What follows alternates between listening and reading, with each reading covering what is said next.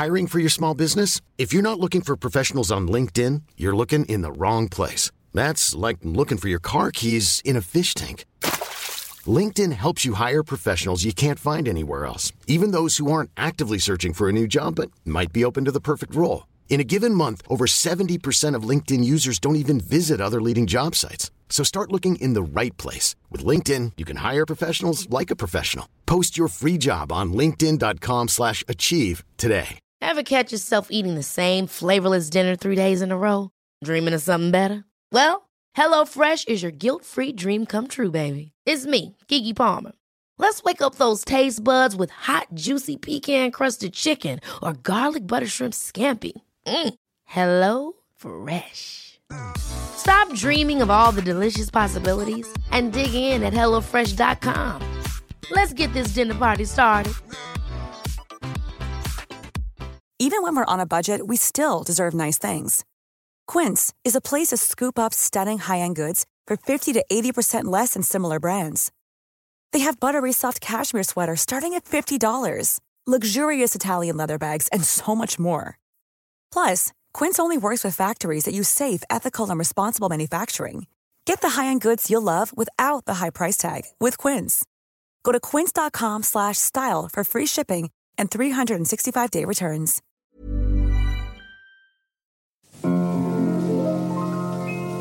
Ifall du knegar upp till Skansen, kronans topp Du får en liten utblick över stan Mellan hustak kan du se just en grönskande allé och kyrkans gröna tak vid Hagaplan. Och ser du västerut där himlen tycks ta slut. Du skymtar Vinga fyr liksom en prick från kvarteret nedanför du glada toner hör. Det är folk som samlas kring en flaska dräkt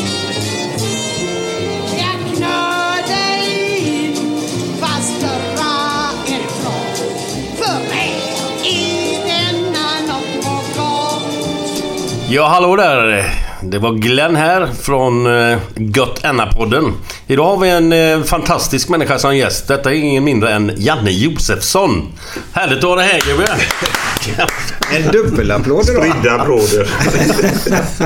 är man bara två, eh, två till plus du här då så blir det de kanske finns alltid någon jävla möjlighet att någon hatar det och någon eh, gillar det. Eller- Ja, av till och med. Men här är det två ja, som- ja, ja, du menar 50... Är, är det lite så att 50% är emot dig och 50% är med dig? Eller hur ser det ut? Veta men det, det, det är ofta väldigt delat. Det, det, det beror på vad man gör. Om man, det faller dem på läppen det man gör, då gillar de det. Mm. Och tycker de att nej, varför rotar du de grejerna? Då gillar de inte det. Så det, det är nog faktiskt rätt delat. Det är bara för att du har en åsikt alltså. Det är bara för att du står för någonting. Bara för att du är tuff Ja, åt ett håll när du tycker ja. Så det- jag tror fan man får lite folk emot sig. Det nej men jag, jag, vill, jag har ju inte velat gå den vägen att bara liksom göra det som alla förväntar sig heller. Jag, alltså någonting jag har jäkligt svårt för överhuvudtaget som journalist.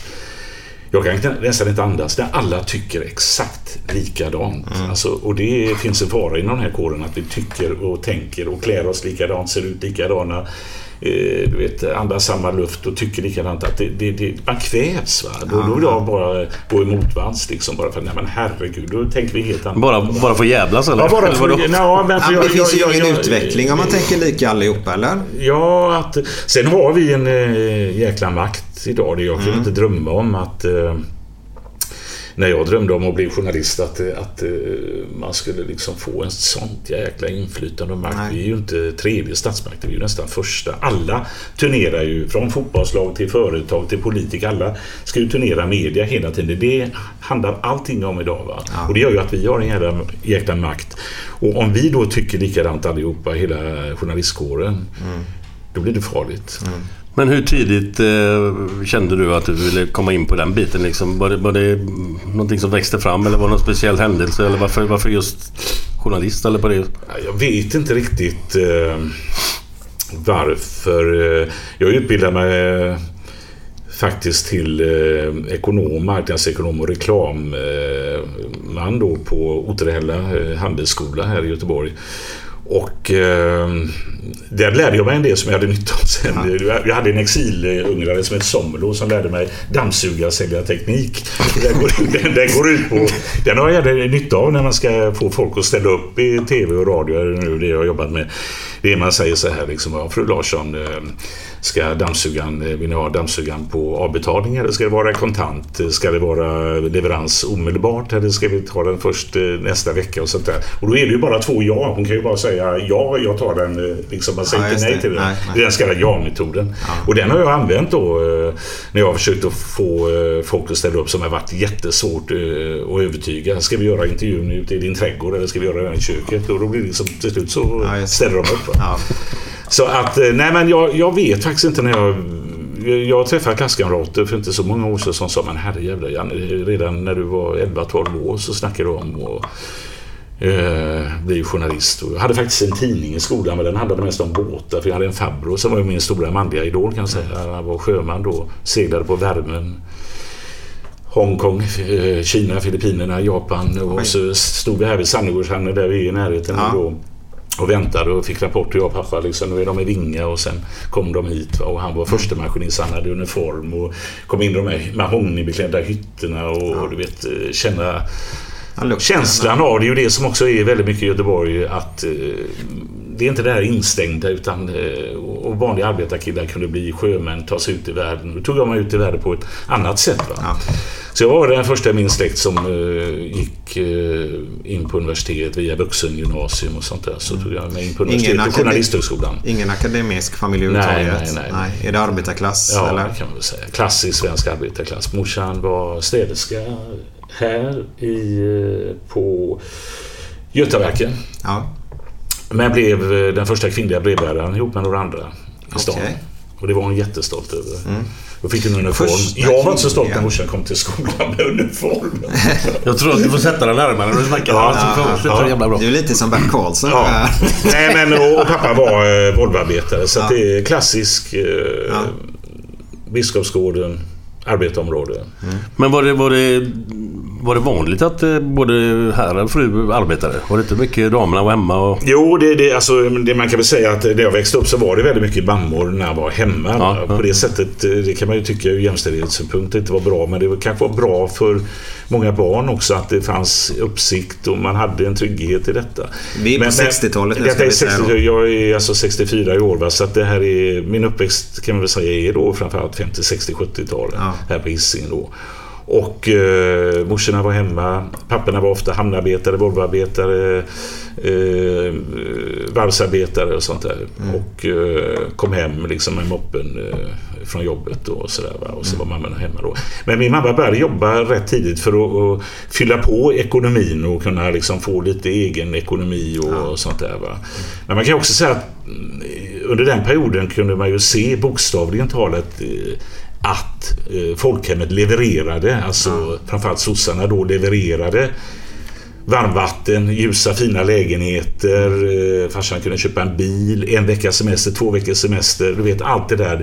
Och man kände att man, även om man fattade, kanske man inte fattade när man när man till att börja med som ung att det fanns olika sociala klasser och så men man insåg ju att vi var på väg någonstans. Ja. Vi, vi, fick det bättre. Sen var det ju de som fick det fan så mycket bättre. Mm. Men vi fick det i alla fall lite bättre. Så är det kanske inte idag. Det fanns en stolthet också mm. över de här områdena. Mm. Men, men var inget så att eh, farsan tyckte att fan, du ska inte ut och jobba morsan liksom, utan du ska vara hemma med ungarna och och inget sånt eller? Nej, det kan jag inte säga. Han godkände det liksom? Han ja, det var... han var ju med. Det var som var väldigt ovanligt det var ju att min pappa gjorde alltid eh, maten hemma. Han gjorde Oj. till och med snittarna till... Oh, han det måste ju snitt... vara ruggigt ovanligt.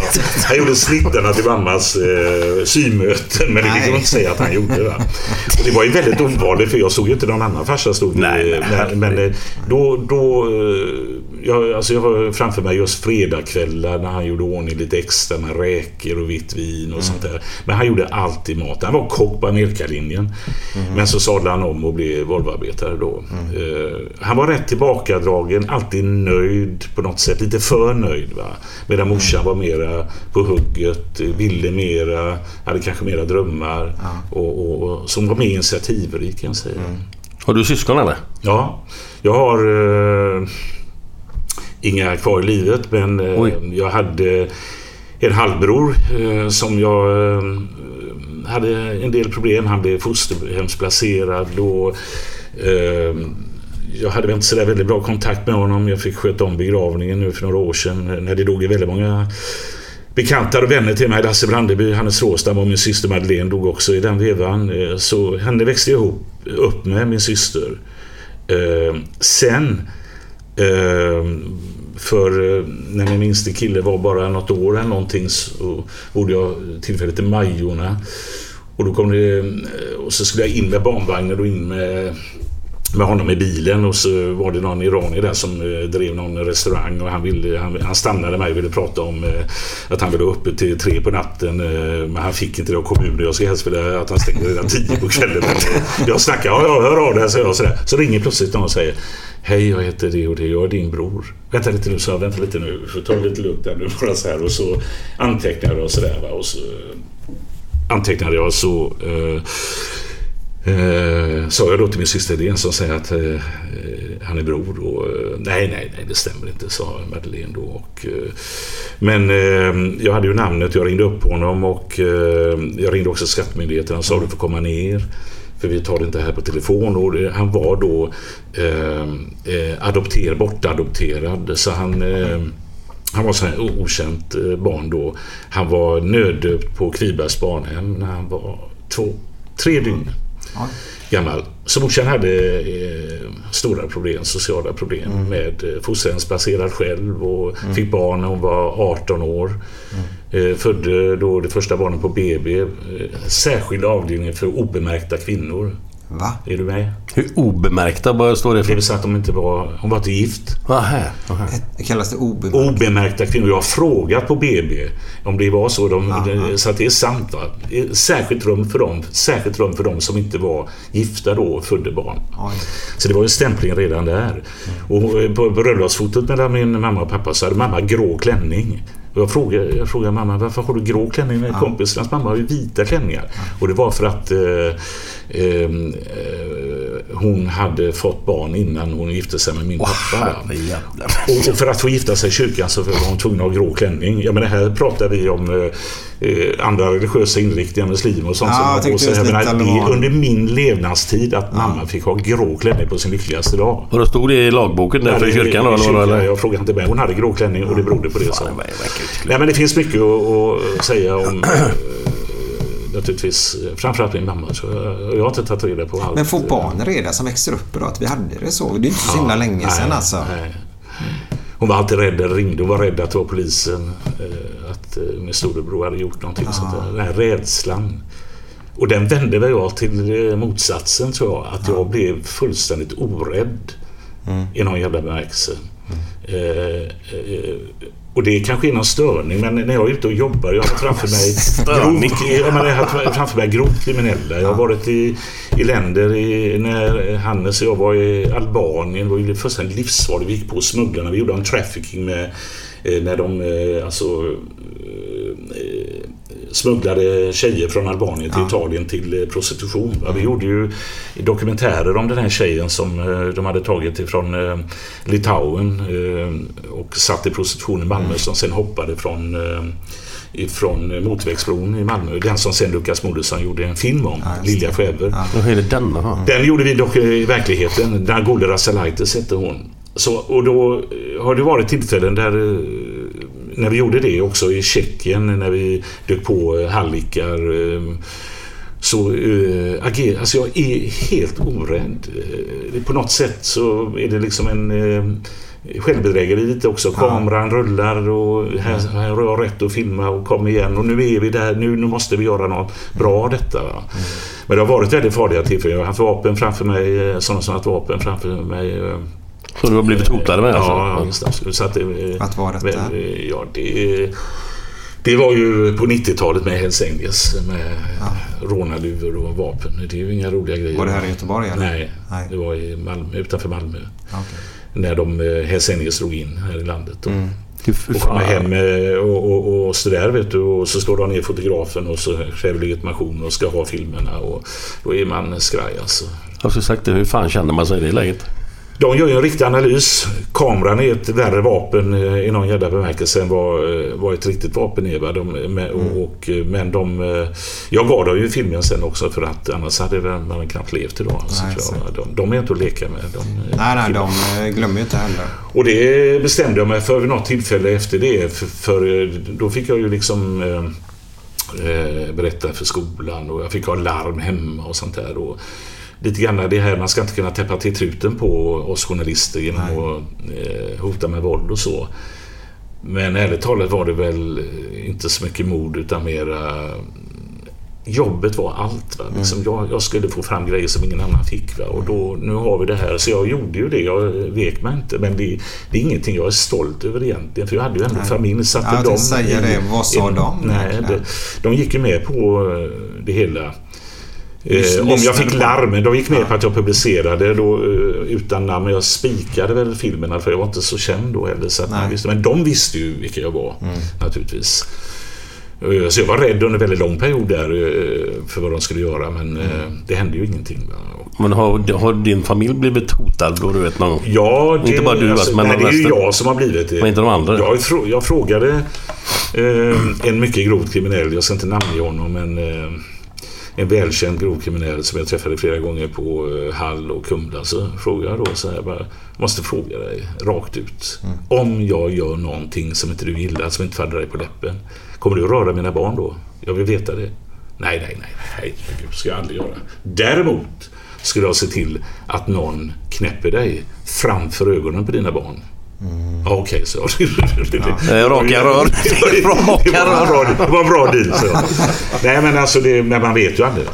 Så det är ju, men jag, så under en väldigt lång period så tänkte jag gå inte in i de miljöerna. Men jag har gjort det igen några gånger. Och, men det är ju när vi kommer in via eh, idrotten idag till exempel när vi gör de huliganerna. Mm. Och då hamnar vi ju, då, ju- då ser jag hur Hells Angels finns i de här kretsarna. Eh, och ska jag Mm. Då, ska jag då bara säga jag vill inte vara med mer. Nu, nu gör vi, det är ju viktiga grejer, eller matchfixning. Men där är ju det så farliga gubbar med så där tänker inte jag ringa på i alla fall. Nej. Just med säga. Ja. ja, där har vi, ju- det har vi gjort en del gånger alltså. Så där finns en, jävla massa grejer som ingen känner till Ja, fortfarande. det, är inget, finns det har ju- bara inte kommit fram hälften av dem. Nej. Den, det är bara ytan som Ja. är... Det är det. Ni har ju varit inne och tittat lite grann på Ja. det men att backa tillbaka då eller, Mm. eller vad? Eller hur ser... Nej, det ska jag inte säga att vi backar tillbaka. Vi har väl ändå fått... Vi har gjort, men vi har ju inte... Alltså jag brukar ju eh, ofta inte dra mig för att eh, söka upp dem vi granskar om de inte vill vara med. Men det finns ju gränser för det. Va? När man har sett vad kanske några personer är be- beredda att göra så, eh, så, så eh, blir man ju... Ja, man vågar helt enkelt inte. Nej. Utan då går man ju via advokater och begär att få en intervju. Och får man då inte så eh, får man ju nöja sig med det. Ja. Men det finns alltså... Det är ju vanligare med hot idag än vad det var bara... Nu har jag jobbat alltså närmare 40 år som journalist och med Uppdrag granskning nu, vad är det, 10-15 år eller vad det är. Ehm, och eh, hoten har ju ökat den senare tiden. Och- Varför har de Varför? ökat? Det, dels ger vi oss in i områden som, eh, där grov kriminalitet finns. eh, Och, eh, och sen är det väl det där att vi, de vet ju att vi har en jävla makt och vi kan... eh, Så länge man inte skadar deras business. Det, det lärde mig ryska grävande reportrar när jag var där för många år sedan. Sa det, bara du inte ser till att de förlorar pengar på det så kan de tåla rätt mycket. Va? Okej. Men de vill ju inte bli förnedrade heller. Men eh, när, vi, när vi kan hota deras business då, då, då blir det... Det har kommit fram eh, grovt kriminella till mig här i stan och sagt, och sagt gör ingenting om det gänget jag är med för jag vet de tar det. Gör det inte för min skull för jag gillar det. Alltså det, det, Okej. det, det finns... Så att eh, vi lever i en tuffare miljö, en tuff, tuffare samhälle, hårdare, brutalare och det slår igenom även eh, eftersom journalister har makt så är vi farliga och vi ska vara farliga och då, då får vi eh, riskera det men det är ju inga roliga grejer om man om man tänker eh, just på eh, Ibland har jag haft vakter eller larm och såna grejer. Och, eh, värst är nog de psykiskt sjuka som först höjer upp en till eh, liksom idol och sen gör man kanske inte det de förväntar sig. Och då vänder de. Okej. Och då kommer hoten och sprängen och allt vad det är. Och, Så jag har ju till och med haft liksom bild liksom på eh, sådana som... Och då blir man ju helt paranoid. För fan, eh, nu tycker jag ser honom överallt och sådär. Och sådana, så. Men har du, har du fått eh, pisk någon gång av någon jävel? Har du fått stryk någon gång av någon, någon Nej, som har hotat jag, dig? Eller, jag, eller? eh, jag, för- alltså, jag kan säga att när man vä- växte upp i i Biskopsgården eh, på 60, 50-60-talet, 60-talet kan jag säga. Så hade man ju ett vägval. Eh, antingen eh, fick man knipa käft eller så blev man kanske tuff och det var mycket missbruk och såna grejer. Jag tog mig för genom att käfta med, med, med orden, med språket, inte med knytnävarna. Och det, det gör ju att jag ibland eh, kan snacka mig ur vissa situationer. Det kan man ju inte alltid, men ofta kan jag göra det. Jag eh, pekade ut ett gäng eh, IFK Göteborg en gång för eh, det var Hannes Råstam och jag som gjorde om EU-kravallerna och då fanns det ett gäng som hette Weissman. Som Ja, det finns det fortfarande. Ja, det finns fortfarande där. Va? Och eh, vid något tillfälle på någon krog så eh, så eh, det kom ju fram mycket folk och snackade och sånt där. Och så, så var det någon som knackade mig på ryggen och sa att de två killarna där vill prata med dig, det är allvarligt. Och så, där, så gick jag dit och det var rätt eh, välklädda killar. Stora, kraftiga och så, så, så gör de bara så här. Så här. Med vilken rätt har du kallat oss högerextrema? Ja, vad, vadå? Ja, vi är Weissman. Ja, ja, ja, ja. Och då tänker jag, alltså nu har jag några sekunder på mig att försöka få, och då vet jag att de hatar poliser. Och då börjar jag snacka om, vi gjorde ju, ja ja du vet, eh, Osmo Vallo var jag med och gjorde, du vet, där han då stampade ihjäl och sådär. Och så, ja ja, men då aldrig göra om det här Janne och så, här, så blir det, så blir det, blir det ingen bra fara? Ah, okej. Men, men eh, och sen även ute, ute när man är ute på stan ibland på kvällar och så har det kommit fram eh, eh, kom fram några serber. Det var en gubbe som vi hade gjort om kriget i Kosovo och Serbien. Ingenting att skratta åt men jag menar, ja, han sa du din jävla strykjärnsjournalist du ska vara jävla smäll. Strykjärnsjournalist, han brukar säga skjutjärnsjournalist. Stryk. Ja, nu fattar jag. Nu kopplar jag. Jag trodde det var jag, det jag trodde det hette, men det var det inte. Strykjärnsjournalist. Ja, det var ju lärligheten av. Och då, då, då, liksom, då började jag skratta så började han skratta så det var ingen fara. Men det hade varit en del sådana här, när jag inte fått eh, stryk men jag har känt mig hotad och jag har känt mig eh, jagad och, eh, eh, så. Men eh, jag har klarat mig hittills. Men vad var det med Wiseman där? Det måste jag Nej men det var, nej men det ja, men Weissman var under E-kravallerna ett gäng som eh, klädde ut sig som eh, eh, aktivister Ah. Mm. men skulle bryta och de, eh, polisen släppte igenom dem. De kom in där och släppte ut dem och sånt där. Så det var, och de försökte spöa upp en del utav de här eh, kravallerna. Aha, de var inne Så, och slog, eh, Och det hade vi bilder på och då tog vi upp detta med Weissman. Va? Ah, okej. Så att, eh, och det kan jag väl säga att jag och min lille kille jag har varit på några Blåvitt-matcher här på mm. Nya eller Gamla Ullevi. Fan, hur fan kan man döpa det till Gamla Ullevi? Jag fattar inte. hur ska man kunna förklara det till Nej, men det kan inte vi heller. Nej, det går inte. jag om man ska bestämma Nej, för men- efter nej, men- inne. nej, Vi kom det till Ullevi, vi inte. kom till Gamla Ullevi. Vilket är Gamla inte. Ullevi då? Vilket är nya? ja, det är liksom- Är det Nya Ullevi som är Gamla Ullevi? Ja, Gamla Ullevi det är Nej, det, jag håller med dig. Det är ju snurrigt. Ja, det är jättekul. Då fick han 35 000 en jävel för. Nej, vad mer? Var det ännu mer? Ja, men det var var det. Nej, Nej, men då- jag inte. Jo. Ja, det är två. Ja, Tveksamt. vet. Men Det- skit i. Till nästa program står vi reda Ja, på ta reda Men på jag säger Ja, hundra ja. Det är han professorn i... Sture, Dahlén- Sture Allén. Allén. Allén. Ja, ja. Men det är väl inte hans fel. Det får man ju bara gratulera honom. Ja, Han fick ja, ja, pengar. ja, ja. Men i vilket fall som helst, nu har jag varit på några matcher med, med min lille grabb då och eh, ser Wiseman på kortsidan där. Eh, Och eh, framförallt när vi har gjort om huliganer och sånt där så känner jag, nej, jag går inte dit mer. Och det, men det är ju fler än jag som säger det. Är ju, jag är kanske speciellt exponerad för det, va? men eh, jag tror det är väldigt många föräldrar idag som inte går med sina barn. För att Men hänger- obehag- Det är obehagligt. Om inte jag är helt borta så hänger ju de flaggorna, Wiseman-flaggorna. jo, men de hänger precis där den här ungdoms... barngrejen är med Blåvitt. De har ju en... eh, Där barnen är med folk som är runt omkring Ja, och tar hand om ja, dem ja. under matchen. Ja. Och de hänger ju precis där de är nästan. Ja. Och, och, och där står de ju också ibland.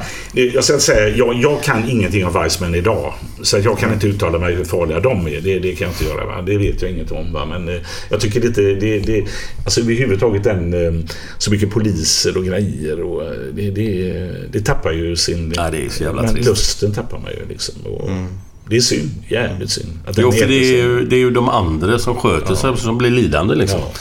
Men det är väl som så mycket annat att det, det, det, det, den här råa, brutala mentaliteten äter sig in överallt. Va? Empatistörda killar framförallt som, eh, som, som finns på alla arenor. Och då klart sporten, där gör det sig gällande. Där det finns stålar att känna naturligtvis. Men det är klart det är inte så jävla enkelt att, att stoppa att det är en jävla sjuk jävel på läktaren. Liksom. Hur ska en förening kunna liksom, före, liksom... Hur ska de kunna rädda sig från det? Att, att de vet att ett gäng kommer dit. Och Nej. då är de ju med, polisen Ja. är med och allting. Men en, en ensam störd jävel skickar in en sån här bomb eller någonting. Hur i helvete ska klubben kunna veta det liksom? Nej. Vi gjorde ju av AIK och Firman Boys där. Där tycker jag att de spelar något dubbelt alltså. För att man ser ju att de umgås ju rätt mycket med de här hårdföra killarna också. Men det är klart, det, det, de har... Eh, Johan Segir där eh, har ju en eh, ideologi då att man ska föra en dialog med dem och sånt här. Men det finns ju gränser för det ändå. eh, Hur långt den dialogen ska gå. När man, vi hade ju tillgång till de här hemliga sidorna. Och det var ju liksom väldigt anständiga personer privat som Ja, ja. hade liksom väldigt fina jobb. Va? Östermalm och- Östermalm, Stureplan Ja, ja, och alltihopa där. Va? Kan sitta liksom på sådana här sidor och Mm. så fruktansvärt råa hur man ska liksom bara slå in De, knä. de har ju till och med en sång om dig, Janne. Av mig? Black Army, ja. Alltså, ja. Eh, Vi ska se, jag ska ta fram det sen när vi kör lite okay. okej. fredagskänsla. det känns inte säkert kul i och för sig. Jo, men det, Det kanske är en hyllning, vad fan vet du? Nej, Nej, det det är ingen hyllning. Nej, det men den är ganska gullig. Den. Ja, ja, jag ska ta fram den sen Ja, om jag ja, hittar den. Ja. Ehm, Så du har gjort eh, avstamp där uppe? Ja, tycker jag. Ja. Men då, jag kan säga så här, det tog en hundradels sekund när det här programmet började så har vi tappat tråden. Ja, ja, Ja, det. ja. Men, eh, Men då har vi gjort alla tre. Så Ja. men vi hade faktiskt tänkt att börja med att eh, prata om Parnevik. Jaha, okej. Mm. Du var ju där. Ja. Och jag då, eh, min dumme fan ska jag ha sagt nu, men sitter ju där hemma och blir väldigt förvånad att du var där av alla. Ja. Jag var lika förvånad jag när jag såg det. Ja, det var det. Förträngt det. Jag hade förträngt det. Kan, Nej, men kan det, du det, berätta det, lite? nej, men det var väl... Eh, eh, nej, alltså det, det är ju så, precis som Glenn, så får man de här förfrågningarna om det är... Ja, jag har fått förfrågningar för jag vet inte, alla jävla program eh, och Let's Dance och alla möjliga. Och jag har försökt att sätta en gräns vid att eh, jag sä- jag sätter en heder i att ställa upp när de ifrågasätter mig. Att inte springa och gömma mig utan då är jag med i debatten och, tar, och diskuterar journalistik och vad vi gör och sånt där. Va? Och jag kan också för jag är nog en mer social rolig person än vad folk föreställer sig. Liksom eh, allvar, Uppdrag, eh, uppdrag granskning ikväll och sådär. Då, då är det liksom allvar. Där kan jag inte stå. Men jag, jag, jag är ju en eh, festkille också och social och gillar att prata med folk och sånt där. Så att eh, jag har väl sagt ja till några underhållningsprogram. Jag har varit med i Lokes program och jag har varit med i en del, några men inte sådär väldigt många. Va? Men, och så kom då den här frågan. Eh, nej, det, det, så här var det. Att eh, jag var uppe på Kristallen. Och, och det är då de också frågade om Let's Dance. Och då hade jag tänkt att gå fram, jag och Helena hade tänkt att- gå fram till eh, Mia Parnevik Ja, och det. säga att vi gillade det programmet. Jaha. Och när de, eh, och, men det, det blev aldrig så. Hon fick ju några priser där. va. Men det blev aldrig så att vi träffade henne. Men sen dröjde det bara några dagar så ringer de från, jag tror det heter Elks produktion eller någonting. Och så säger de, kan du vara med på Arneviks? Och, så, och då tänkte jag så nej det, det ska jag verkligen inte vara. Men eh, så berättade jag den här historien att jag hade tänkt säga att eh, vi gillade Mia, eller jag gillar Mia då. Och, eh, men vi aldrig träffade henne. Så jag sa så här, jag ska tänka efter, jag ska tänka efter. Så att, eh, och det brukar jag säga, jag säger inte alltid kanske, ibland säger jag kategoriskt nej, men jag säger jag ska, jag ska tänka efter så jag återkommer, eller återkommer du och sånt där. Så tänkte jag, jo men vad fan, det är Florida i november månad. December var det ju dessutom. Och sådär va. Så att, eh, och så fick de reda på det här. Jag blev uppkallad till chefen. Vet du, och liksom, eh, de skulle koppla in kommunikationsdirektören och de var väl inte så jävla glada. Och, och du får passa vad du säger. Jag fattar precis vad det handlar om. Så jag liksom, det, drick lite vin eller öl och ät gott och så, eh, pra, prata och sånt här. Men jag tycker Herregud, om jag nu skulle säga något olämpligt får ni väl sparka mig då. Jag, eller, liksom, du sa det. Ja, jag vet inte jag sa det, men herregud, är det så jädra får du, får du, då får jag ta Men det, vad liksom. skulle vara olämpligt? Nej, men de, i och med att man är en, ett ansikte ute uppe i någon TV så kanske de... Och det får ju inte skada Uppdrag granskning liksom. Och det, det vill jag verkligen inte göra heller. Va? Jag kan ju inte sitta där på... Eh, liksom och, och göra bort mig. Men jag, jag tar risken och då, jag, jag känner mig själv så pass att... Eh, jag åker i alla fall. Även om de inte var så glada. Och det gjorde vi.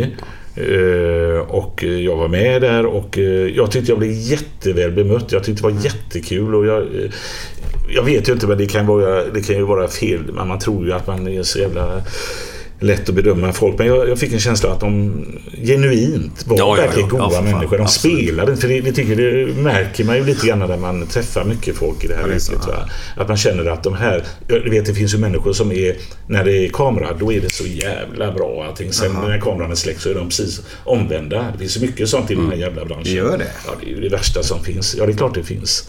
Det finns det verkligen. Eh, Jag ska inte namnge några, men eh, det, det gör det. Men eh, det här kände jag något genuint och det var det också. Så jag kände, vi hade, jag hade jättekul där. Men jag var, jag var, rädd för det. Jag drog ju en Göteborgs... Jag, jag, spände ju vågen så in i helsike genom att säga så här. "Nu Ska ni, alltså skrattar ni inte åt detta då har ni ingen humor säger jag. Var det den historien du Ja, om drog, det här med eh, eh, porslinsögon Ja, och det ja, här. ja. Va? Men vet du vad, dra den då, snälla. Jag ska, det var alltså, den, den, är, den är för mig. Men jag, nu, men för mig var det så här va, att eh, det, var en... Eh, på Sjuans ölhall i Göteborg. Va, så sitter eh, en gubbe där som vi säger i Göteborg, tjomme då. Va, lite dratt i sig några pilsner. Sitter lite ensam där så, här, så kommer in en eh, jävligt stilig... Janne, glöm inte mikrofonen. Eh, kommer in en eh, lång, mycket välklädd kostym man med vit käpp så här, grått hår och sätter sig och beställer en kopp kaffe och en massarin och lite sånt där. Då. Och han sitter och stirrar så här va? och gubben han häller upp kaffet själv och såna här grejer. Va?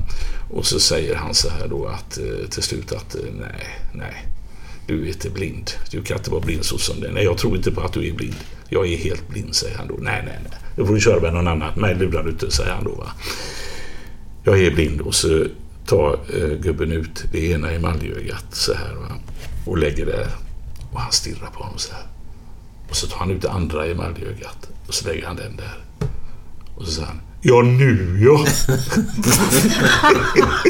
Det är så jävla typiskt Göteborg. Den är så jävla typisk Göteborg. Som att, eh, att eh, alltid ha en kommentar trots att man har haft totalt jävla fel. Men de, inte en jävel skrattar. Så här, och, då, då liksom, och den, ja, ja. Men det alltid beror på hur man berättar. Jag kanske inte berättar ens det. Du vet, alltså, I vissa situationer så berättar man ju historier som man kan gapra. Men, men, eh, de, eh, men då är det ju så här. Då fattar jag att, eh, jag tror, eh, vad hette hon, eh, Blondinbella? Ja, jag tror det. inte hon visste vad porslinsöga var. va? Det var så. Ja, det finns ju inte längre. Och jag fick ju eh, jag fick ju en massa e-mail också att jag hade förnedrat och kränkt blinda människor. Och, Detta jävla kränkta Ja, men det, är, det- är sant alltså. Och eh, jag vet inte, det kanske inte finns porslinsögon längre. så Det måste det finnas. Nej, jag eller? vet inte. När jag växte upp fanns det i alla fall. Ja, vad fan, det finns väl folk som har... Ja, jag, jag har ingen aning, men det är klart. Om man finnas? drar en sån historia man inte vet vad porslinsögon Nej, då förstår jag ju Nej, lite. nej, nej, Pors- Nej, men alltså sammantaget eh, jättegott gäng och jag ångrar inte att jag var med. Så, liksom, Men åkte du själv härifrån eller? eh, jag hade med mig min grabb. Ja. ja, ja. Så han var med också. Men han syntes inte på Nej, nej, nej, nej. nej. Och så var det Blondinbella och... Blondinbella och sen var det... Oscar Sia. Oscar Sia. Jaha. Som jag inte visste så mycket om då. Landkramvar, men- när man kallar honom. Ja, ja, ja, ja, jag, lurade ut honom på någon jävla bräda där. Jag skulle själv aldrig... Surfbrädan slog ju alltid ihjäl Stod han på en surfbräda? Ja, ja visst. Och det var både krokodiler och hajar där så att jag hade aldrig... Jag tror Men de hade ju en bassäng också. Där hoppade jag i. Ja, ja, ja. Men, eh, och så anklagade jag honom för att vara landkrabba. Så går jag själv på land där utan att ta på mig badbyxor. Ja, ja, men det... Ja, nej men det var kul. Du var ju också med. Ja, det var ju... Man gick bara i ett par dagar bara och drack lite bira och drack vin och hade allmänt jävligt skönt bara. Men det känns som att det blir lite TV. Ni var där x antal dagar va? Ja, vi var hemma hos dem tror jag det var två övernattningar. Var inte det? Två. Två övernattningar, okej. Ja. Så att man bodde på ett rum i ett annex där. Och, eh, nej men väldigt, väldigt... Eh, Vad tyckte du om huset? Var det så häftigt som man tycker? herrejävlar, det är klart att... De, de snackade om att de skulle kommit och hälsa på i sommar. Eh, Jag har ju ett hus här i- på Åstol. Eh, Jag hade tänkt att byta med en granne för jag kunde inte ta med dem hem. Det är så här 67 miljoner tror jag deras hus kostar. Ja, något sånt, ja. Något sånt va? Med 25 tv-apparater och eh, biografer och herregud. Hyfsad, Men det är även, alltså det, det är väl det där...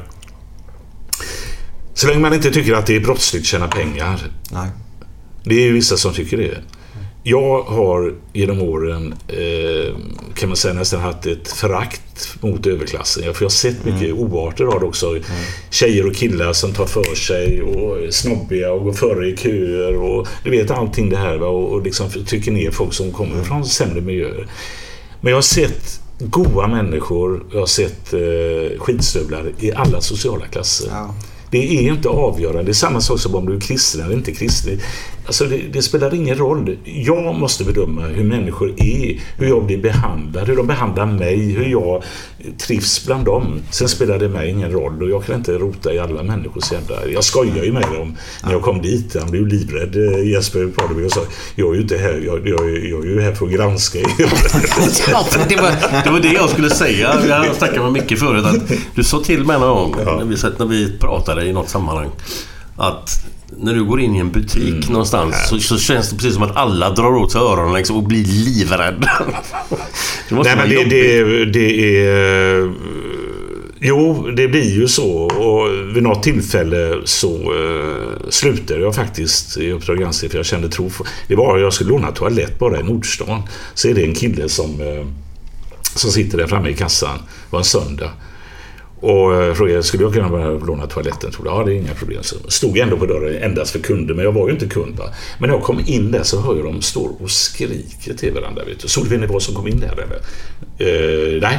Eh, jo, det var Janne Josefsson på Kalla fakta. Kalla fakta? Fan, kan inte ens hålla reda på att det är Uppdrag granskning. Men så, så, så, så hör man någon eh, säga så här. Gunilla, har du städat toaletterna? Eh, har du gjort ordning så är det rent och fint där nere? Nej, herregud! Så jag står där och jag tänker, jag kan ju inte gå in. Herregud. Så. Så eh, jag gick ut i alla fall till slut och så står de på led, sju, åtta stycken och bara ler. Vet du, så här? Och han eh, som släppte in mig, han sa Har du kamerorna med dig? Så han säger, och jag borde ha sagt ja, det var en jävla tur det ser ut. Men när folk tror att jag är ute och kollar toaletter och kloaker på helgerna, då får man nästan lägga av. Eller hur? Eller det, en av de roligaste var ju den här eh, när jag skulle eh, rekonditionera bilen. Eh, en vår man såg så här, då hade jag en rätt gammal bil. Tänkte, så stod det, jag tror det 1295, alltså 1295 spänn. Rekonditionering och vår. Så här, jag, jag kör in där. Liksom. Då hade vi visserligen gjort om just eh, eh, hur man utnyttjar eh, flyktingar och gömda flyktingar i vissa företag och sådär. Och så jag kom in på det här, en stor bensinstation var det och så um, stod en kvinna framför mig och eh, skulle få sin bil rekonditionerad. Men han gubben han tittade på mig hela tiden så här och så, ja hon fick sin bil, ja, kör in den där och så var det några som tog hand om det och så säger jag, jag skulle vilja ha min bil rekonditionerad. Vi har ingen eh, rekonditionering här, så här. Men hon fick ju sin bil rekonditionerad. Så jag säger, nej, nej, nej, nej, det finns inte alls, det finns inte. Ja men snälla du, jag skiter i och så såg man han korsade och drar mot, mot Mölndal till all världens väg. Där. Man springer. Och så eh, och sa, men alltså, jag var helt privat, jag skiter i Då tog han, gick han ut lite och tog en stege och, och gick upp och började dra ner skylten. Och jag sa, men lägg skit i det, så jag vill ha bilen. Han la ner hela eh, bilverkstaden i 14 dagar, sen öppnade den igen. Du vet, det där med skräckslagna. Och det, det, är liksom, det är lite dråpligt, va? men eh, det, det, det, det, sen finns det ju de som blir jätteglada. Jag krockade med en tant här i allén eh, som ungefär det som man förväntar sig göra. Till slut när man sitter och smsar, man har lite bråttom med att hämta grabben och sådär och så kör rakt i röva på en tant, en ny svart Audi då. Så här. Du körde på henne? Ja, jag körde på henne. Du. Och jag tänkte, och det var ju bilar, det var allén där, det går inte att smita här. Liksom. Och, och hon kliver ut och eld och låg. eh, så här och skriker och så kliver jag ut och säger Janne Josefsson! Dig har jag sökt kontakt med i flera veckor så bara krama. ja men då fick du väl kontakt så det räcker så. Så att, eh, ja, och är en annan jävligt rolig grej alltså. Det är så mycket dråpliga grejer också som är, det var eh, det var en gubbe som ringde till mig. Det var när jag körde som programledare för Debatt så bodde han vid Fyrklöversgatan, Arvid Lindmansgatan, gamla mm. Björdannevägen där. Och han berättade om att det var, varit mycket bråk med Fyrklöversgatan, det gängerna där och sånt där. Och jag är inte bra på papper och grejer och jag hittar aldrig vad jag har skrivit ner och sånt där. Så jag var tvungen att åka och leta efter honom för jag ville ha tag i hans son. För var, eh, han berättade lite grann om eh, sonen och det, det gänget som bodde på den sidan. Och eh, jag visste inte vad han hette, jag visste inte hur han hade för telefonnummer eller någonting, även om jag hade skrivit upp det då. Så jag åker ut till Bjurslätt där och uh, och där, hade, där bodde jag ju till jag var sex år innan vi flyttade till Biskopsgården för övrigt. Så uh, gick, gick jag in i pizzerian och frågade, känner du någon gubbe här? Kanske 50-årsåldern verkar han vara. Han har en son som, jag tror han är mellan 18 och 20. Så ja, men det, det kan nog vara det där i, där, i den portuppgången. Så jag chansade bara, eh, tryckte på K Larsson där och svarade ja det är Karin. Ja det är Janne Josefsson här, Sveriges Television. Ja kom in, kom in, säger hon bara så här. Och hon bodde högst upp där och jag skulle bara fråga henne om den här gubben. Så här, kom in bara, kom in, säger hon så här. Ja, och så innan jag hann säga någonting så ringer hon till eh, Rut eller vad det hon hette, en kompis. Han är här nu, skynda dig nu. Han är, ja han har kommit, han har kommit, säger hon så här. Då hade de två tidigt på morgonen, eh, hon och väninnan, eh, eh, suttit och pratat om för att de, var, de gillade inte hur Stena skötte tvättstugan där nere. Så de hade sagt vi måste ringa Janne Josefsson. och, och, och, jag, eh, och jag blev ju sittande där i ett par timmar.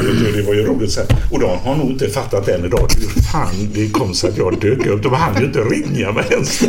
Ingen hade ringt. Nej, de hade bara fattat det. Hur gick det här till? Det hann ju inte ringa. Så att det, det finns mycket, mycket, roliga grejer också. Ja. Alltså, det är ju de som kommer fram och... Eh, jag har ju varit med om... Eh, kommer fram liksom på aska i ölen. Cool fact a crocodile can't stick out its tongue. Also, you can get health insurance for a month or just under a year in some states. United Healthcare short term insurance plans, underwritten by Golden Rule Insurance Company, offer flexible, budget friendly coverage for you. Learn more at uh1.com. Hey, I'm Ryan Reynolds. Recently, I asked Mint Mobile's legal team if big wireless companies are allowed to raise prices due to inflation. They said yes. And then when I asked if raising prices technically violates those onerous two year contracts, they said, What the f are you talking about, you insane Hollywood ass? So to recap, we're cutting the price of Mint Unlimited from $30 a month to just $15 a month. Give it a try at mintmobile.com slash switch. $45 up front for three months plus taxes and fees. Promo rate for new customers for limited time. Unlimited more than 40 gigabytes per month. Slows. Full terms at mintmobile.com. I'm Sandra, and I'm just the professional your small business was looking for. But you didn't hire me because you didn't use LinkedIn jobs. LinkedIn has professionals you can't find anywhere else, including those who aren't actively looking for a new job, but might be open to the perfect role, like me.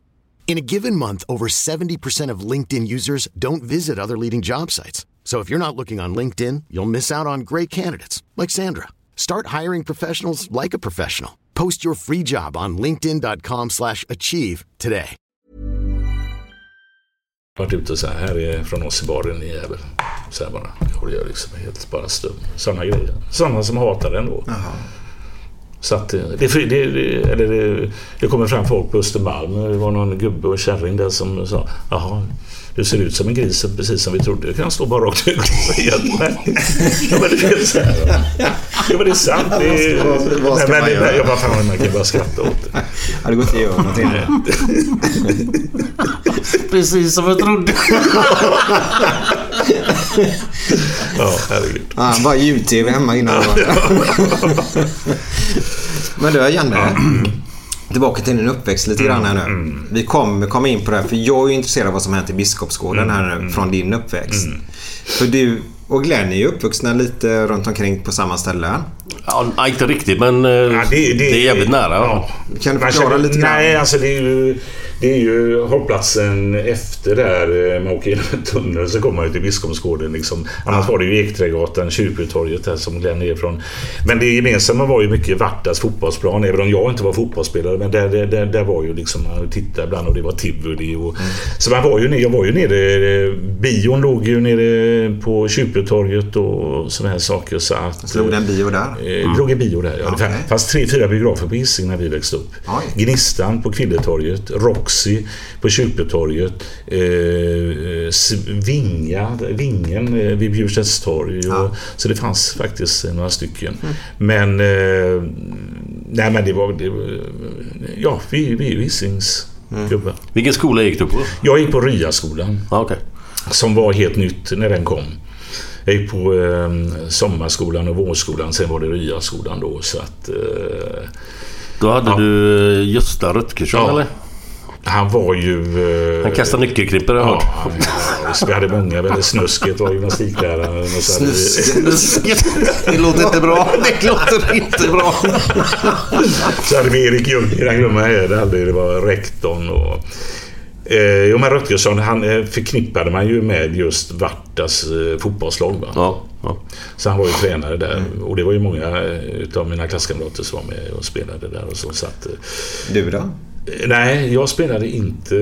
Ingenting? Ja, alltså bara sådär eh, kul med en blåvitt tröja och man var ju så stolt över blåvitt och Ja, var med och spelade lite på gården eh, där, kring Vällvikstorget där. Men inte i något lag. Jag var med i ett ishockeylag eh, som heter Demonerna. ja, ja, det var ju Bäcken och Demonerna i gänget ja. Jag var med där och jag var med eller med och med. Jag, jag var med i en match och den vann vi på vår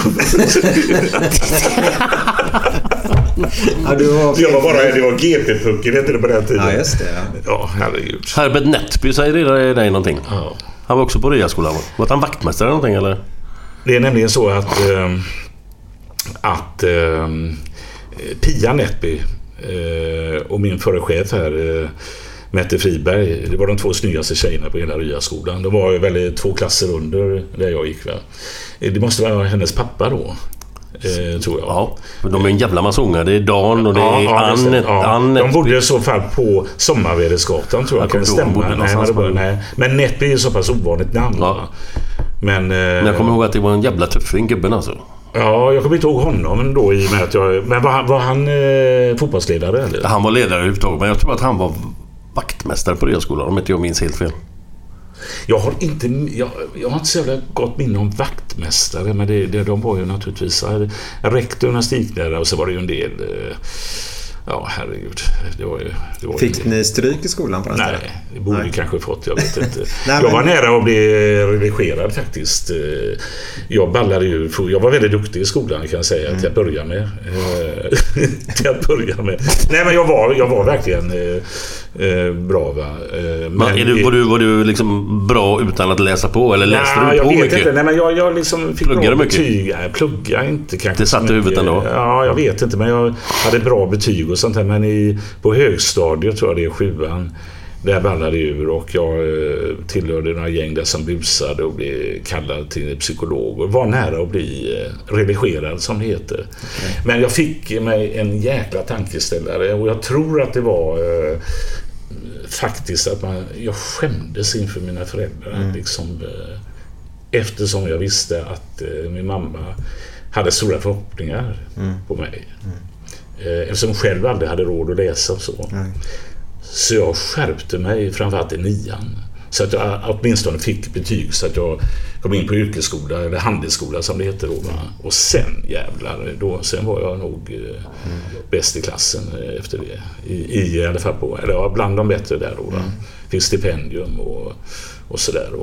Jag har lätt för mig att, plugga och läsa och sådana grejer. Men- så att, men det var en period där, det, var jävligt busigt. Alltså.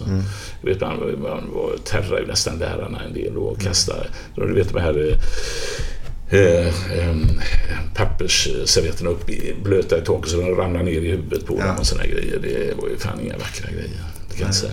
Nej, men det är ändå en baggis. Ja, det är en baggis. Fan en bagatell om jämför med vad som händer idag. Ja, ja, ja. Det, ja, herregud. det var ju lite småroligt på ett sätt. Ja, ja, men det var, det var nog inte lätt för en del lärare. Alltså, det handlar ju om lärare som då kanske var lite för snälla, lite för... eh, Inte, inte funka i, i, i sådana här sammanhang. Och sen var det ju, det, det är ju så, jag, känner- det, det talar man ju inte mycket om, men skolan är ju mycket... eh, Tjejerna har ju lättare för skolan eh, och på, på ett sätt favoriseras nog kanske i skolan. Killar, framförallt invandrarkillar, har det fan inte lätt i skolan. Alltså. Och då gäller det ju att det är lärare som kan locka dem på något sätt. Va? Men jag, jag hatar ju de här lektionerna med tyska lektioner. Vad styr dat? Alltså, det bara dödar all den glädje jag hade egentligen i studier. Va? Förstår du? Så jag tror att eh, skolmiljön gynnar medelklassungdomar, eh, kanske också tjejer faktiskt. Vi kunde se när vi, jag har gjort program om detta, till exempel i skolan i Rosengård när de lägger ner den. I slutet var det ju så här att eh, jag tror att det var bortemot 90 procent av killarna som inte hade fullvärdiga betyg när de gick ut. 90 procent! Men tror... Du fattar att Ja. det är som en rullbana rakt in i de kriminellas Ja, gäng. De skiter ju om du kan räkna eller skriva eller eh, läsa. Utan den arbetsmarknaden är uppe 24 timmar om dygnet. Och Men vad är det som ja. gör då att inte de vill lära sig någonting? Eller vad, vad, man kan ju inte bara skylla på andra. Nej, det kan, man absolut, det kan man absolut inte göra. Det är en växelverkan. eh, om man ser till Biskopsgården. Det är skolor som eh, liksom eh, med nedskärningar. Det är kulturkrockar som man många gånger har förnekat. Det är klart det är kulturkrockar. Killar och tjejer från Somalia, framförallt, kill, killarna som får problem. Det är ju killarna som skjuter, det är ju det. Är ju det. Men det är klart att det också är ett ansvar från föräldrarna som kanske många gånger inte eh, tar det ansvaret. Eh, samtidigt, eh, det är, jag kommer ihåg eh, när jag jobbade på lokalradion så intervjuade jag någon polis. Det var då de stängde Liseberg på Valborg sen. Eh, då berättade han för mig att eh, Fattar du att vi kan åka hem till föräldrar med killar som är helt asberusade i 12-årsåldern, ringa på och säga här har ni era grabb och få till svar. Kan ni ha något till imorgon för vi har fest? Alltså det, det finns ju sådana föräldrar som... eh, Och det finns i överklassmiljöer också.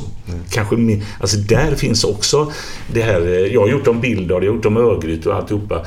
Där, där finns också en press på ungarna och det här att, eh, det berättade när jag gjorde om Billdal, när de tände ju eld på en eh, ett behandlingshem där nere för ett antal år sedan och hade en fruktansvärd människosyn. Då, va? Men det, då, då berättade de också att ungdomar som kanske, de hade ringt från kyrkan för det var en grabb som hade druckit lite för mycket och sånt där och de ringer pappan, kommer han med sin fina BMW och slänger in grabben bara i bak, alltså i kofferten vet du, för att han inte ska spy i bilen och så här. Alltså då, och föräldrar som har fester och skiter i ungarna. Det finns olika miljöer. Men det, det, det är klart att det är många växelverkande faktorer. Idag när man ser, alltså det, det, det som upprör mig mest det är framförallt politikerna, polisen också delvis. Men de gör många gånger ett väldigt bra jobb. Men de gör kanske inte tillräckligt. Det är att man säger att man har kontroll. Man har ingen kontroll längre. Det är att när man säger att vi vet vad vi ska göra. Man vet inte längre vad man ska göra. Man hör politikerna säga att det är fruktansvärt det som har hänt nu med den här åttaåriga grabben. Ja, det är klart att det är fruktansvärt. Det är, det, det, det är väl det mest självklara man kan säga. Och vad ska man göra då? Ja, vi ska eh, förbättra gatubelysningen. Ja. Alltså det, det är så långt gånget eh, nedkörningen av vissa delar av Biskopsgården. Och om jag säger att jag skulle inte vilja bo där längre. Jag skulle inte vilja bo i vissa delar av Biskopsgården och ha barn växande upp där. Vilka ska då bo där? Vilka, alltså det, det har gått så långt. Va? Men, men eh, det får ju heller inte vara så att man eh, att man, att man släpper de här områdena så att det blir eh, grovt kriminella som eh, härjar helt fritt. De härjar inte helt fritt men det, det är ju trasiga killar. Jag gjorde om backarna, det var väldigt mycket bråk där. Då fanns det någon eh, Hjalmar kiosk där. Där stod killarna mitt på dagen vet du, med vapen i byxlinjerna. Så här visade så här. Och de hatar ju poliser. Ja, De är det. hatar dem och, och poliser hatar väl dem och sånt där. Men det, det är ju eh, svåra grejer.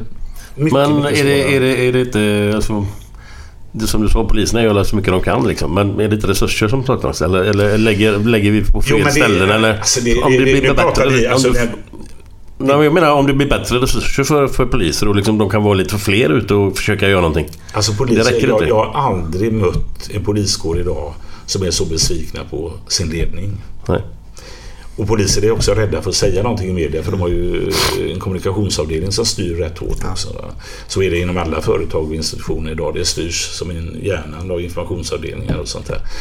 Men polisen, det finns ju vissa poliser som vågar säga men de, de har ingen förtroende för ledningen längre. Och det är en omorganisation. Jag har aldrig mött så mycket poliser som ändå kommer fram och säger, men inte när kameran är på kanske, att det, det här funkar inte längre. Va? Och eh, det är klart att det är en resursfråga. Men när jag växte upp till exempel i Biskopsgården. Det är ju som att prata om Sörgården, det är ju en idyll. Va? Vi hade, eh, jag kunde namnet på varenda polis i Biskopsgården. Det var Falk och det var Nilsson. Och de kunde namnet på oss. Va? Och de lurade in oss till och med i sådana här deckarklubbar där man gick, eh, liksom, fick papper varje tisdag eftermiddag och se nystulna bilar. Ungefär som vi skulle hitta dem i Biskopsgården. Men det var ändå att man, förstår du? Men idag, eh, det, det, det, folk, alltså, det, du kan tänka dig i de trappuppgångarna där kring eh, Norra Biskopsgården, Dimvädersgatan eller vad de heter där uppe nu efter de här händelserna. Vem vill överhuvudtaget bo där längre? Alltså? Och då gäller det att lösa det då. Har man ingen lösning om det då kan man inte skapa sådana här områden. Jag tycker jag som journalist har varnat för den här utvecklingen i 20-30 år. Jag gjorde en film eh, 1987 som Ja. heter På rätt sida älven. Ja, vi kan komma till den, kan vi göra. Men det var ju, det var ju för att varna, varna för det här. Men Janne, eh, jag bara tänkte så här, för det var väl 01 de började skjuta först ute på näset i det där och inne på... eh, Det var väl då, innan så var det ju egentligen MC-gängen som höll på. Mm, Men sen tror jag det var 01 de började skjuta på vid Friggargatan där va? De skulle dansa Mm. Näset var ju ännu Näset länge, är det 10 år sedan? Nej, det är 01 tror jag. 01? Ja, Okej, så, så pass länge sedan. vi har 15 år sagt väldigt länge att det måste göras Ja, någonting. ja, ja, visst. Mm. och det känns som att vi, vi är totalt för sent ute. Det känns som att hela biskops... Du, Nej, du men har ju jag, gjorde, det nu. ja, men alltså, jag gjorde också en annan Du har ju film. hört detta i 20 år nu Ja, nästan. men alltså, jag har gjort många filmer om det här. Jag gjorde en film om eh, Siriusgatan i Bergsjön Mm. i samband med mamma mördade sitt eget barn, där Bergsjömamman. Där jag eh, tog mig för pannan liksom, när, när man tittade på eh, hur de hade skapat den här eh, Siriusgatan som en öppen anstalt mer eller mindre. Va? Och där familjebostäder själva skrev i anteckningen att vi använder det som en social avstjälpningsplats. Det vill säga människor från mentalvård, eh, flyktingförläggningar, kriminalvård ska, ska då eh, bo med vanliga Svensson där. På? Siriusgatan På. Siriusgatan, en av de stora gatorna i Bergsjön. Så där? Bara i den längan där den där eh, lilla flickan Helen ströps eh, i källarvåningen där. Eh, det var där, för, först trodde man att det var ett sexualbrott. Va? Ja, var det inte någon jävla som hade... Var det inte någon munderlivet på tjejen som var... Nej, grej, men mamma, fan? mamman hade med en kajalpenna som det heter, var det som avslöjade henne i Ja, Eh, skrev kuk på stjärten. Och därför trodde de att det var ett sexualbrott. De var med och letade efter den här Han psykopaten. ligger låg i källaren va? Ja, en källare. Siriusgatan 71 eller vad det var. Och eh, bara i den längan med eh, tre eller fyra trappuppgångar bodde det tio män som var dömda för sexuella övergrepp på barn. Är du med? Oj. Och då gick de igenom hela gatan, polisen, och tog sig för pannan. De såg att jag tror det bodde 1700 vuxna på hela gatan. Jag tror det var 300-400 som var aktiva i polisens spaningsregister. Det är ju i det fördolda man skapat en öppen anstalt nästan. Ja.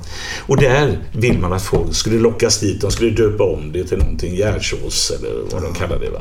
Med nya barnfamiljer och sånt där. Va? Och, det, det, det är, och, och, och då fick jag jättemycket kritik att jag att jag eh, målade en för svart bild. Då mötte jag kanske, kanske för första gången unga invandrarkillar som hade maffian som ideal. De ville prata som maffian. De hade maffia i, i kabel-tv som det hette på den tiden. Och de hade dem som idoler. Idag är det 17-18-åriga killar med vapen, med skyddsvästar som är grannar till dem i trappuppgångarna. Detta har gått då på de här 20 åren. Och, och, och när jag sa så här, det kommer att sluta med fasa, så, så sa ju då eh, Göran Johansson och de här att nej, det är överdrifter. Och, det, och de till och med, det är jättefint att bo i Bergsjön och det är jättebra att bo i Biskopsgården. Men det, det är en utveckling som kommer att sluta med förskräckelse. Det har det redan gjort. Så att, eh, men jag är ju inte den som vet exakt vad man ska göra. Jag, jag som journalist har jag velat på, visa på vad händer här nu? Alltså när man bara pumpar in de här människor med sociala problem och sånt här på samma ställe. Och då blir det, det, det, det briserar förr eller senare. Alltså. Och det har det redan gjort och det har gått så långt alltså. Ja, nu har det gått väldigt långt. Absolut, absolut. Finns det någon återvändo överhuvudtaget? Jag vet inte vad man ska göra om jag ska vara ärlig idag. Och det är därför vill jag inte höra de här som säger sig veta det heller. För det... det Ja, det var så- jag, jag, jag, jag, alltså, tänker jag så här, eh, ibland tänker jag men det skulle varit några stycken eh, som kanske också eh, har sin uppväxt där. Glenn, jag och några andra. Att eh, försöka... eh, Ja, alltså vad, vad som behövs också är ju eh, att de måste få positiva hjältar. Nu är inte vi kanske så jävla positiva hjältar just du och jag. Va? Men, eh, de behöver, alltså det, jag var ju där när vi gjorde om Dana Carr som eh, hade Original Gangsters. Eh, som vi träffade på när jag gjorde striptease på Tidaholmsanstalten då på 90-talet. Och han har jag träffat också flera gånger. Och eh, han gjorde videoprogram om då i Turkiet. Och då gick jag med en bild upp på Rymdtorget i Bergsjön och visade en bild på Dan. Och de kände ju igen honom. Och de tyckte att han var en idol, bildkriminell. Han är hjälte liksom. Och det är, det är ju egentligen fasansfullt att, att, eh, att man tycker det. Jag kan förstå de här småkillarna och, och sådär men eh, det är ju liksom ingen frimärksklubb han, är, Nej. han eh, håller i. Nu finns ju knappast Original Gangsters kvar va, men det var ju det var en rätt farlig grupp faktiskt. Men vad gör föräldrarna i det läget då? Föräldrarna... De har ett jävligt stort ansvar. Många gånger föräldrar... Eller ger skiter de i vilket eller? Många gånger föräldrar sitter där, eh, kanske kollar på sina TV-kanaler, kan nästan ingen svenska. Det är barnen som lär sig svenska och sånt där. De har ingen koll. Va? De har ingen koll och det kan man ju naturligtvis eh, eh, anklaga dem för att de inte tar ansvar för sina barn så precis eh, som du gör. De har ju ett föräldraansvar. Men eh, så ser det ut många gånger alltså. För jag menar bara att alltså, om du är svensk förälder, om Ja. du är tur turkisk Nej, nej, förälder, har om du är från Jordanien och ja. förälder. Ja, Alla måste för fan ta hand om sina ungar Absolut. Det spelar fan ingen roll var de är födda Nej, alltså, nej, nej, nej, nej, nej, nej. Nej, men det, det, det, det, det Jag menar, jag har ju också träffat uh, svenska föräldrar som uh, jag var med och gjorde en radiodokumentär som heter Johnny på rymmen. Det var en kille som var eh, han var nasse och eh, den här Johnny hade hamnat eh, snett och jag följde med honom och vi hamnade i Hjällbo. Och den här killen som han var ihop med, ja, de var bara 14-15 år då. Va? Så började jag komma in i nazimuseum och så frågade jag morsan, hur kan du tillåta honom sitta där liksom? Och, det här då. och då säger hon så här att gör, gör jag inte det så kommer han att försvinna från hon var ensamstående. Va? Då, då, då, har man den här morsan framför sig så kan man också förstå henne på något sätt. Va? Men jag, jag håller med dig.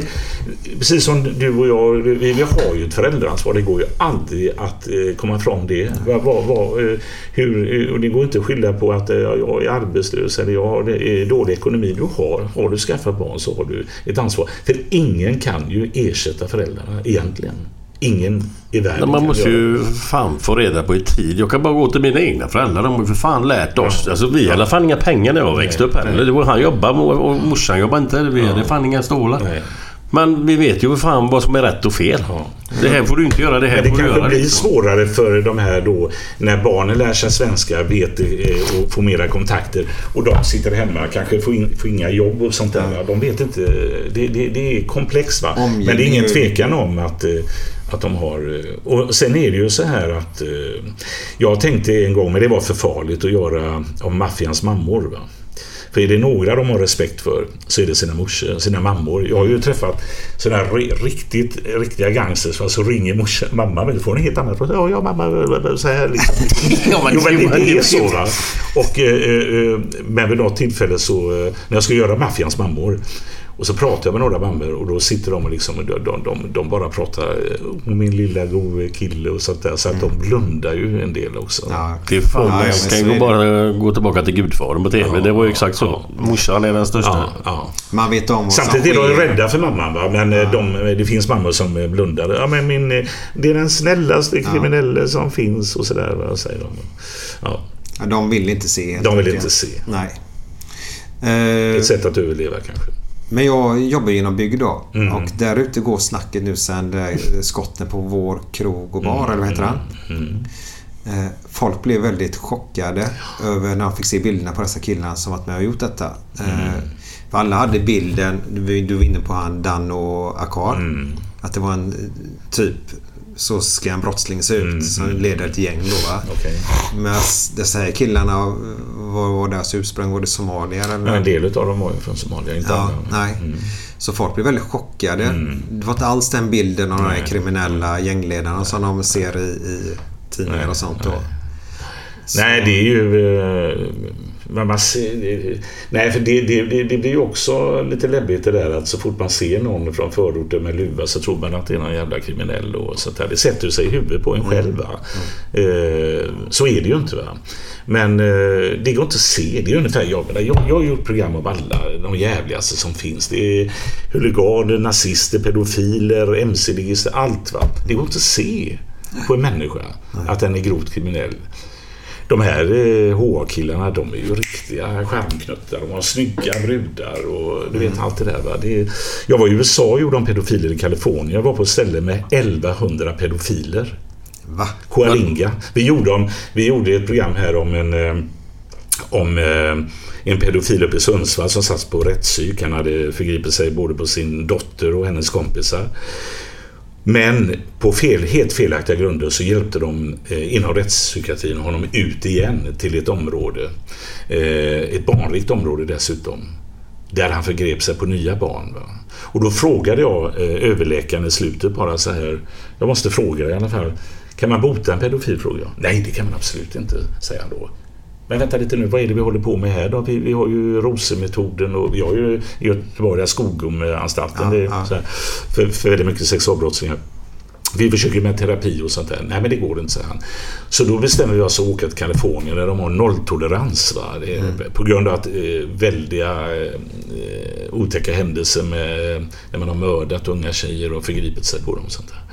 Men då kommer vi i alla fall till Coalinga där och jag träffar en, eh, tre, fyra stycken av de här eh, grova pedofilerna då. Där sker ju kastrering och de, vissa kommer ju aldrig ut och sånt här. Va? Och då, eh, en av dem som jag sa till fängelsedirektören, han kan väl släppa ut direkt liksom. Han verkar ju vara en svart kille.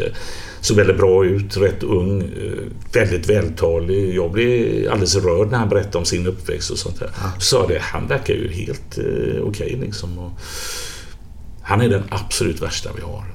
Han har våldtagit en mammas dotter med eh, pistol på pannan på mamman samtidigt som han våldtar dottern som var kanske 9-10 år. Men du vet, alltså det, det går inte att se på... Det är det är de, här, de här gängen, de med Bandidos och Ja, HA, de, här, de har ju sina attribut. Och de har, ju- det kan man ju också tycka är lite märkligt om man är i Berg så ser man hela Bandidos-gänget komma där med sina barn och tjejer och åker karusell och sånt där. Det är också en sån där, liksom, det är möjligt. Nej men det, det, det är väl en sak som man har lärt sig som journalist att man, man, man kan aldrig veta vad, hur en människa är. De, de, Men de satt, inte- in, de satt inne på en anstalt? de eller? har satt inne, de flesta för gott alltså. Eh, verkligen. Eh, och där... Eh, Körde de kastrering i USA? Ja, de körde någon eh, medicinsk... Ja, kemisk, tror jag det gör, ja, det gör. Ja. Sen om det hjälper eller inte, det vet inte jag. Va? Men, eh, nej, men jag tycker det. Och där... Eh, när jag gick ut Journalisthögskolan så trodde jag att en gangster såg ut som en gangster. Mm. Man ska vara mest försiktig med tror jag, de här som är riktigt insmickrande, trevliga, charmiga, liksom bjuder på kaffe. Och, det, och du vet, de kan vara de absolut farligaste. Och de, det, det, det- är verkligen så. För de, eh, nu är ju inte alla som är snälla och hyggliga och trevliga. Jag har ju inte min sida, men, men du förstår vad jag menar. Va? Det, det, det, kan verkligen vara så. Nu ska vi köra lite fredagskänsla. Okej.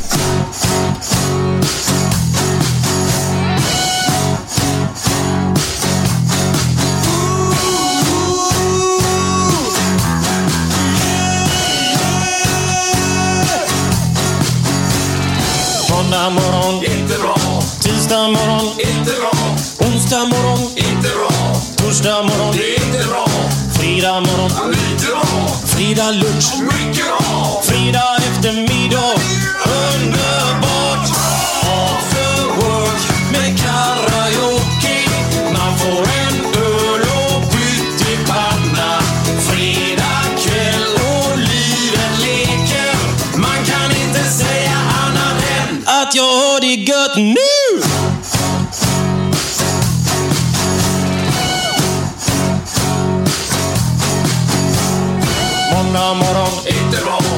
Tisdag morgon, inte bra.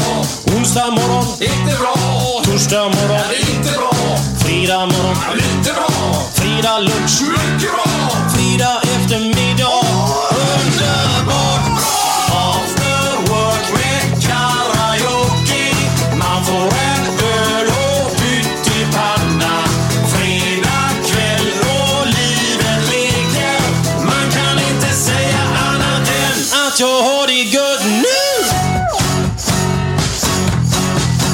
Tjenare igen. Det var lite fredagskänsla där. Ehm, Vi eh, sitter med lite käk nu då Glenn. Kan du berätta vad vi får idag? Det är en rökt makrill på varje tallrik här som är jävligt gott. Rökt Och en Ramlösa. Ramlösa. Mm. Vi sitter ju idag i TV-huset. Eh, Vi vågar ju inte ta hem dig eh, Ni blir insläppta är ju en gåta. Ja. Ja, det är jättefint här Jag fick ju nere. smuggla in det. Det är ju en jävla säkerhetsanordning här. Ja, det var helskotta. Man fick Ja, gå igenom riktigt säkerhetsdörrar och grejer. Men jag har ju bara 87 i höjd på min diskbänk hemma. För jag tror Svenska folkhemmet sa väl 90 där. Per Albin Hansson. Höjde inte han upp det för kvinnorna eller något sånt där? Ja, det var ingen aning om. Annars var det ju Alva och Gunnar Myrdal som skapade mycket design i köket. Och de hade väl Ja. också ordning på hur många Men det var väl man skulle ha 50-talet där, Ja, ja. där de började bygga det där. Jag vet i alla fall när jag fick nu, jag hade vattenläcka på, i köket. i Nu sitter du Båstad. två meter ifrån igen. Jag hade vattenläcka i köket på Åstad som slutade med att man fick, jag fick byta hela köket. Och det är ju högre än vad det var i alla fall. Det är en rejäl skillnad alltså. Ja. Så att, eh, men det var bra det kanske. Ja, Nej, folk har ju ja, det ska vara 90 för ryggen och detta då. Så hade jag bara 87 hemma. Ja. Och då vågade inte jag släppa in det. Och så min häck på utsidan är för hög. Och Glenn, du hade med dig din kalender. Det vågade vi heller inte. Eh, Varför, vad, Vad skulle jag du göra, vad skulle jag göra då? då? Skulle jag... eh, Men din kalender. all, alla är ju lite rädda för att Ja, ja, kommer ja, in. ja, ja, Det var så ja. jag menar lite Ja, grann. ja, ja. Jag skulle vara rädd att öppna om, eh, jag själv, om jag skulle öppna dörren eh, Och stirra på. Josef. Jag skulle sticka åt helvete. Lite Bahamas. Men, Det var- nej, men jag måste, när vi säger eh, lite fredagskänsla. Och så tänkte jag på det här. Det finns så här roliga grejer man har hört. Om... eh, Och bland annat då så, eh, ja du kommer ihåg hon den här ministern som fick gå för att hon hade 0,2 procent Mm, promille och så här va. När man sitter och dricker och sådär. där. Så var det en mycket känd radio och TV, men jag ska inte namnge honom. För eftersom jag, Du- jag du inte, Nej, jag tänker, jag tänker inte namnge honom. För jag, det- det här är en gammal man numera och eh, jag har ju inte frågat honom om den är sann, men den är... Jag hoppas att den är sann. För på, eller hoppas, det får jag väl en jävla massa emot mig, men eh, han körde bil eh, berusad. Och kommer, jag har också varit med om, eh, men jag var som tur var inte berusad, eh, kom eh, vid TV-huset eh, när vi låg vid Örgryte. Så kom jag en, en söndag morgon, jag hade varit på 60-årskalas kvällen innan. Och så, så står det då en eh, poliskontroll med alkotest. Det låg en korvkiosk precis Ja, innan. TV-huset där. Ligger kvar. Och inte nog med det, det står också ett TV-team och filmar. Och jag kände ju hon Susanne Ljungberg från Västnytt stod där. Och herregud, de sekunderna. Och de sekunderna när man blåste det här liksom. Och ja, det, det, de tänker man ju liksom, nu, nu kommer jag ju, och herregud. Och så tänkte så jag, nu så de och kamerakillen kände jag också att stod och filmade. De kommer ju måste förvisa det här om jag har någonting va. Och jag hann att tänka så jag får ringa min eh, chef liksom och säga att eh, ja, det, det, hur är det Nisse? Ja, det är bra. Ja, det ska bli jävligt roligt på onsdag. Vi har bra grejer. Så här. Det är en liten grej som har hänt här liksom bara. Men det är väl, det, det, jag tror inte det är så farligt liksom. Det kanske blir någon löpsedel eller någonting sånt där. Men allt det hann jag tänka liksom. Så, Okej. så, så här, gjorde de bara så här, nej men det är bra. Så här, man blir ju livrädd. Men det här kände radio och tv-mannen. Han visste vad han skulle göra. Sen han märker, uppe i Stockholm är det på Värmdövägen där någonstans tror jag det var. Så ser han en eh, sen fredagkväll då att eh, det är alkotest och polisen är där. Va? Då är han så jävla eh, förslagen så att han, han stannar bilen ungefär 15 meter innan. Va? Så, går, så går han eh, fram till poliserna och så låtsas han ha en mikrofon så här. Va? Han hade ingen mikrofon utan då säger han bara så här, ja det här är från Dagens Eko här på Sveriges Radio. Eh, jag ser att ni har eh, en alkoholtest och trafikbevakning. Så här. Ja, absolut. Han gör honnör polisen. Vet du, så här, ja, hur går det? Har ni här fått många här? i- Så här. Ja, det har varit en del så här, men då tackar vi och så lämnar vi över till studion. Så säger så bara, så bara han kör. Va? Så han, Ja, så han de- dribblar ju bort dem eh, fullständigt.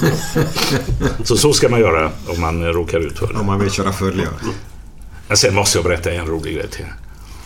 Som har hänt i verkligheten. Jag har frågat honom. Och det är Fredrik Belfrage. Apropå det här när folk eh, kommer fram och tjatar och folk eh, känner igen det och sånt här. Måste väl du märka av också. Folk liksom... Folk är ju ofta jävligt snälla och Ja, ja, trevliga, va? alltid. Ja, för dig är det väl det alltid. Men, eh, men Fredrik jag, tror, jag tror det var Oldsberg som berättade, men jag har kollat med Fredrik och den stämmer. Det var när han jobbade med sport och tv och radio och alltihopa. Så, här. så är han på något stadshotell, tror jag det är, någonstans eh, ute på vischan. Och han har jobbat och han sitter där och käkar. Och, och det är inte så många kvar där, men det sitter en gubbe där och tittar på honom rätt mycket. Så här. Och sen eh, reser gubben och ska gå då.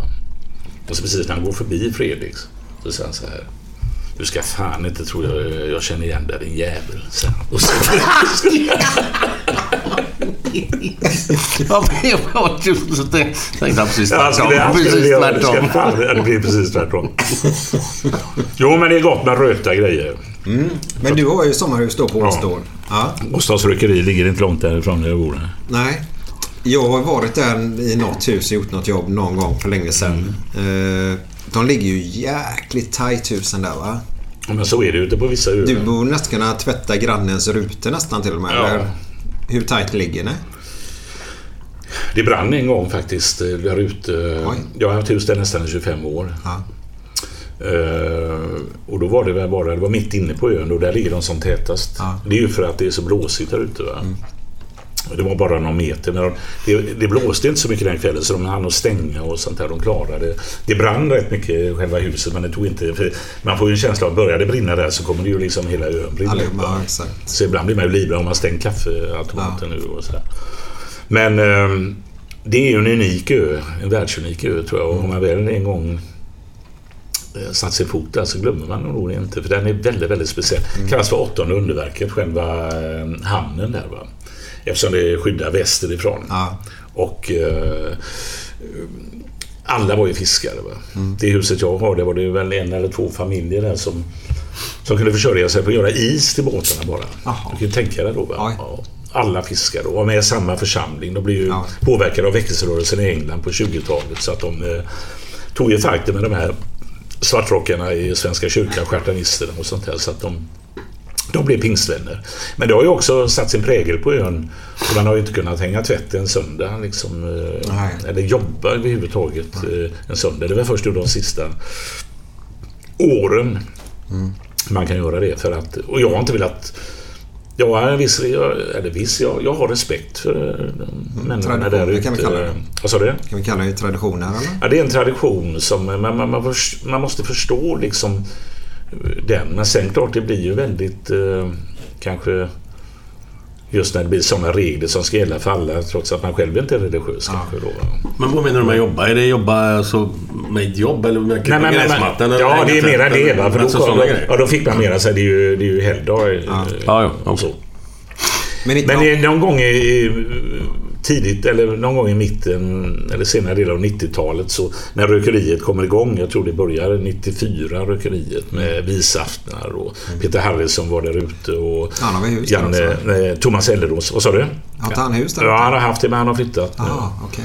Och eh, det var väl efter att de förbjöd jogging på eh, på, på, på. Han var inblandad. Harry Nej, nej, han sa att eh, han fick frågan där, men det står verkligen joggning förbjudet på, eh, På bryggan. På, bryggan ja. Och så jag använder inte jogging, sa när han fick frågan. Men, eh, nej, men jag minns en gång då. De har ju alltid haft tält också. Eh, pingstvännerna i slutet av juli månad varje år. Va? Okej. Och det är många som tagit fel på det och trott att det var ett öltält och sånt där. Men, eh, och vid något tillfälle så var Robban Broberg på rökeriet Och Molle Lindberg, en eh, mycket känd gammal pastor inom eh, pingströrelsen. Väldigt speciell från Mölndal här. Okej. Han är väl från eh, Småland. Eh, väldigt speciell. Har ni inte hört talas om Molle Lindberg? Jo, jag har hört namnet. Ja, det är väldigt speciellt. Långhårig. Ja, ja, ja, skägg visst, och grejer. ja, ja, visst. Inte skägg, men väldigt långhårig. Det var han som... Han, eh, han, han eh, på 60-70-talet så hyrde han en helikopter som vevade ner honom ner i Slottsskogen och hade han kamelhårskölster och det här långa vackra svarta håret och folk stod och bara tjöt av lycka. Och så öppnade han ju eget på, eh, nere vid Järntorget. Han blev utsluten med Maranata och stod och spelade gitarr och sjöng lite rock och samlade andar i plastpåsar. Och jag vet Samla andar? Ja, det var något. Jag var där och besökte. Molle Lindbergs väckelserörelse. Frilansare i Jesus och Gud, eller vad det är han kallar sig. Men eh, han var där. Men då kände jag nu är det nya tider på Åstorn. Va? Jag menar, Robban där, Molle där. Nu kommer det hända grejer, vilket också gjorde. Det blev en brytningstid. Ja. Och den eh, tiden är väl inte förbi än. Man vet ju inte riktigt var ön tar vägen, men eh, det, det finns ju något väldigt genuint tack vare att det har bott väldigt mycket människor där också året runt. Och, eh, som jag gillar. Och eh, det är ju inte som kanske på Kärringön eller Marstan där det är lite mer sprättarna än Samarkand. Lite grann, va? det, det funkar inte på Åstol. Då kommer man att tro att man är något. Hur många är det som bor där hos dem? Jag tror det är 180, rätt exakt 180. Det var 500, över 500 när det var som mest. Men, det, det, det, men fisket finns ju inte kvar på samma sätt. Nej. Har du ingen god fiskehistoria? För du måste ju gilla fiska makrill då, eller? Eh, Eller är du ingen fiskare? Nej, jag kan inte säga att jag, jag skulle ju vilja stå som hemmafiskare i telefonkatalogen men eh, nej. Inte Nej, alls. nej, nej, jag var det när jag hade en snipa så Ja. lärde jag mig att häckla liksom som det heter. Va? Ja. Eh, Där man har, var en speciell teknik. Så, men nej, jag, det, jag, vad hade du gjort senast nu då? För du skulle parkera båten sa du? Eller vad heter det? Parkera? Vad fan heter det? Nej, det, Lägga det, till. det, lägga till. det, var ju, det, var, det var ju som en kompis till mig skulle köra Evert. Som, han, Evert han var, han, lever inte längre. Han, var, han stod inför rätta i tinget i Stenungsund med något till. Han hade, han hade fiskat för små kräftor eller någonting. Han stod och, ja, det måste varit väldigt roligt att vara med om. Men han eh, var en eh, som körde honom till Järntorget eh, med bilen eh, hit då. Jag vet inte var de skulle gå på, det var den här bilen. Han sa just nu Lägg till här, så liksom med bilen. För att eh, lägg till säger man. Ja. Nej men, men, men båten, det var när du ringde där. Jag ringde där. Du, du höll på att angöra båten Ja, ja, någonstans. ja, jag har ju en, eh, en snipa då som eh, jag eh, gillar att vara ute med och sådär. Så att, eh, Vad gör ni då? Är ni ute och... Det är ju mer att köra, kanske ta eh, barn. Jag har inte badat så mycket i sommar men jag, gillar att åka till Marsen. Jag tycker det är kul att komma dit också. Ehm, men eh, jag fiskar inte så mycket, det gör jag inte. Men jag gillar att puttra fram där. Jag har inte bråttom när det är där ute. Liksom. Ja, men det får man ju ta där. Nej, jag, jag älskar ju det. Alltså, att gå ut en tidig morgon när det är bleke, som man säger, nyströket där ute. Liksom, det är ju fy, det är ju, då blir man ju nästan religiös. Alltså. Bleke då är ju att det är blankt, Ja, helt stilla på vattnet. Och... Herregud alltså. Och puttra fram i det. Så... Eh, förra året var det Helena och jag...